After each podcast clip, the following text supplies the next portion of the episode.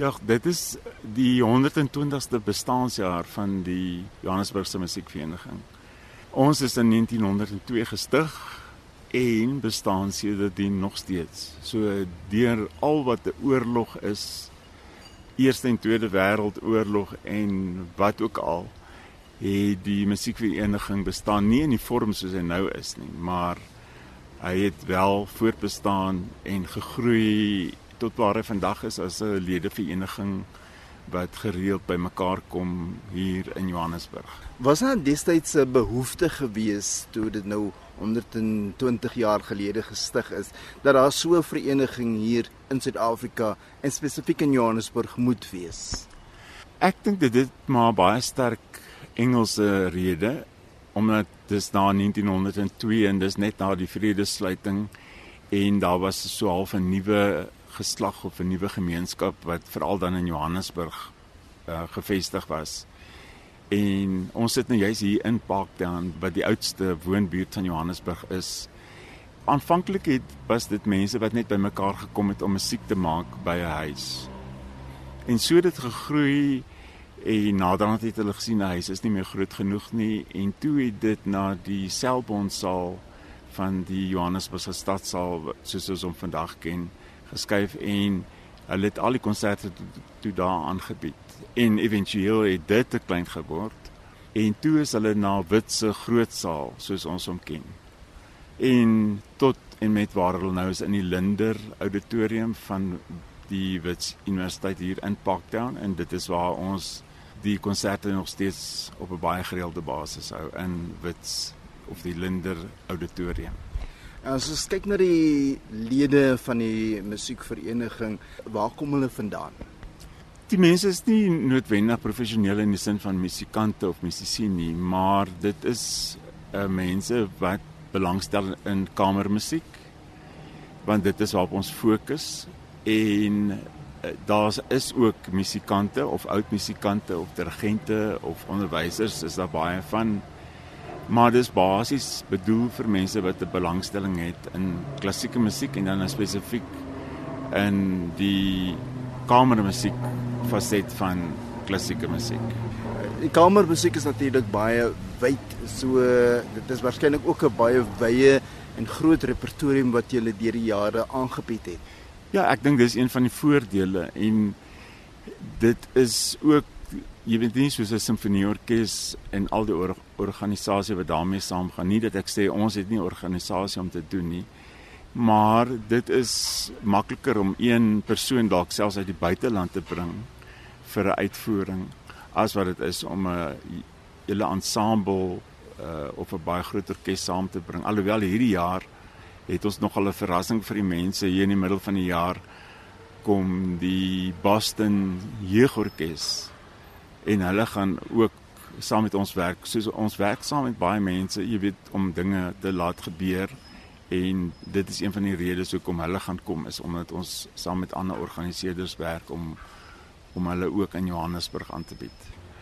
Van die kunstenaars wat deur die jare al saam met julle opgetree het of wat julle gaste soort van was?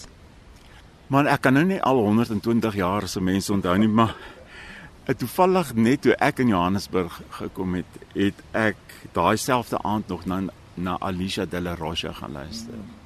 Wat fantastiese uh, pianis was van Spanje. Ander mense is soos Ellie Ameling, uh, die Tokyo strykkwartet was al hier en 'n uh, persoon soos Jean-Pierre Rampal, die fluitspeler. So dat baie groot name gekom en daar het soms name gekom wat eers later groot geword het maar wat wel deel was van die uitvoerings van die Johannesburgse musiekvereniging. En wat plaaslike kunstenaars betref? Ja, ek kan mense noem soos Adolf Halles en Jonty Solomon, Steven de Groot en dan natuurlik Antonel wat ook 'n Johannesburger is en nou deesdae professor in Amerika. Hy's van die name wat dikwels vir ons optree en van die en nog steeds as hy Suid-Afrika toe kom dan probeer ons altyd ook vir hom te kry uh, om vir die Johannesburgse musiekvereniging op te tree. Nou terwyl mense nou so luister na ons en ons praat nou van kamermusiek, 'n mens moet 'n aanvoeling daarvoor hê, nee, dit is nie iets wat jy byvoorbeeld as jy nou 'n liefhebber is en jy woon gereeld die simfoniekonserte by, maar hierdie is 'n ander tipe van musiek byeenkoms. Ek dink wat lekker is daarvan Terrens is dat dit 'n mens meer sensitief laat luister en kyk en hoor. Jy weet dis een ding om te hoor is 'n ander ding om te luister. En as dit byvoorbeeld net 'n uh, sê maar 'n uh, persoon is wat 'n uh, solo klavier uitvoering doen, dan is daar geen ander steurings of geluide wat jou kan wegneem nie. En ek kan nie sê dit is dis verseker 'n ander tipe van musiekvorm, maar ek dink die satisfaksie wat jy daar uit kry is presies dieselfde en kan baie meer wees. Jy weet en jy hoor kombinasies van instrumente wat jy andersins nooit hoor nie. En dit is ook baie lekker. En terwyl dit sê net maar by 'n simfonieorkes is dit 'n basiese simfonieorkes gewoonlik. En maar dit is wat jy verwag. Maar in 'n kamermusiek kan jy enige kombinasie van enige iets of iemand kry en en dit is altyd vir my nuut en 'n uitdaging om daarna te luister en ook jou bloot te stel aan nuwe goed Ek dink dit is baie belangrik. Ek praat met Herman van die kerk. Ons praat oor die Johannesburgse musiekvereniging. Herman, daar's 'n program wat voor lê. Dis 2023. Wat se interessante hede het julle op die spyskaart? Terens, jo, dit was regtig 'n lang wag met hierdie COVID tussenin van 27 maande wat ons nie kon mense kry of bymekaar kom. Maar uiteindelik is ons nou kan ons sê amper up and running again. Wat ons besluit het om van verjaar te doen is om ons seisoen nie nie net in 'n jaar se tyd te laat plaasvind nie, maar ons kan sê ons bied 10 konserte aan, maar dit gaan ook in 2024. Ons eerste konsert hierdie jaar is op die 26ste Februarie en al ons konserte vind nou op 'n Sondagmiddag plaas sodat die mense nie in die aand hoef te ry nie want dit het maar bietjie van 'n probleem geword en al ons konserte begin om 3 uur in die Linder Auditorium. Daai dag speel Danai Durkin, dis 'n Grieks Duitse pianis.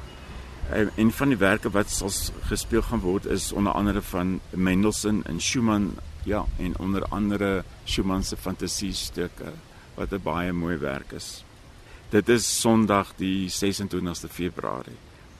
En dan die volgende konsert is die 12de Maart wat een van ons eie pianiste François de Toey, hy begelei vir Rachel Lee Pride en sy's 'n violist en hulle speel onder andere Ludwig van Beethoven se sonate in F vir viool en klavier en dan ook Franz Schubert 'n werk van hom en ook van Francis Poulenc.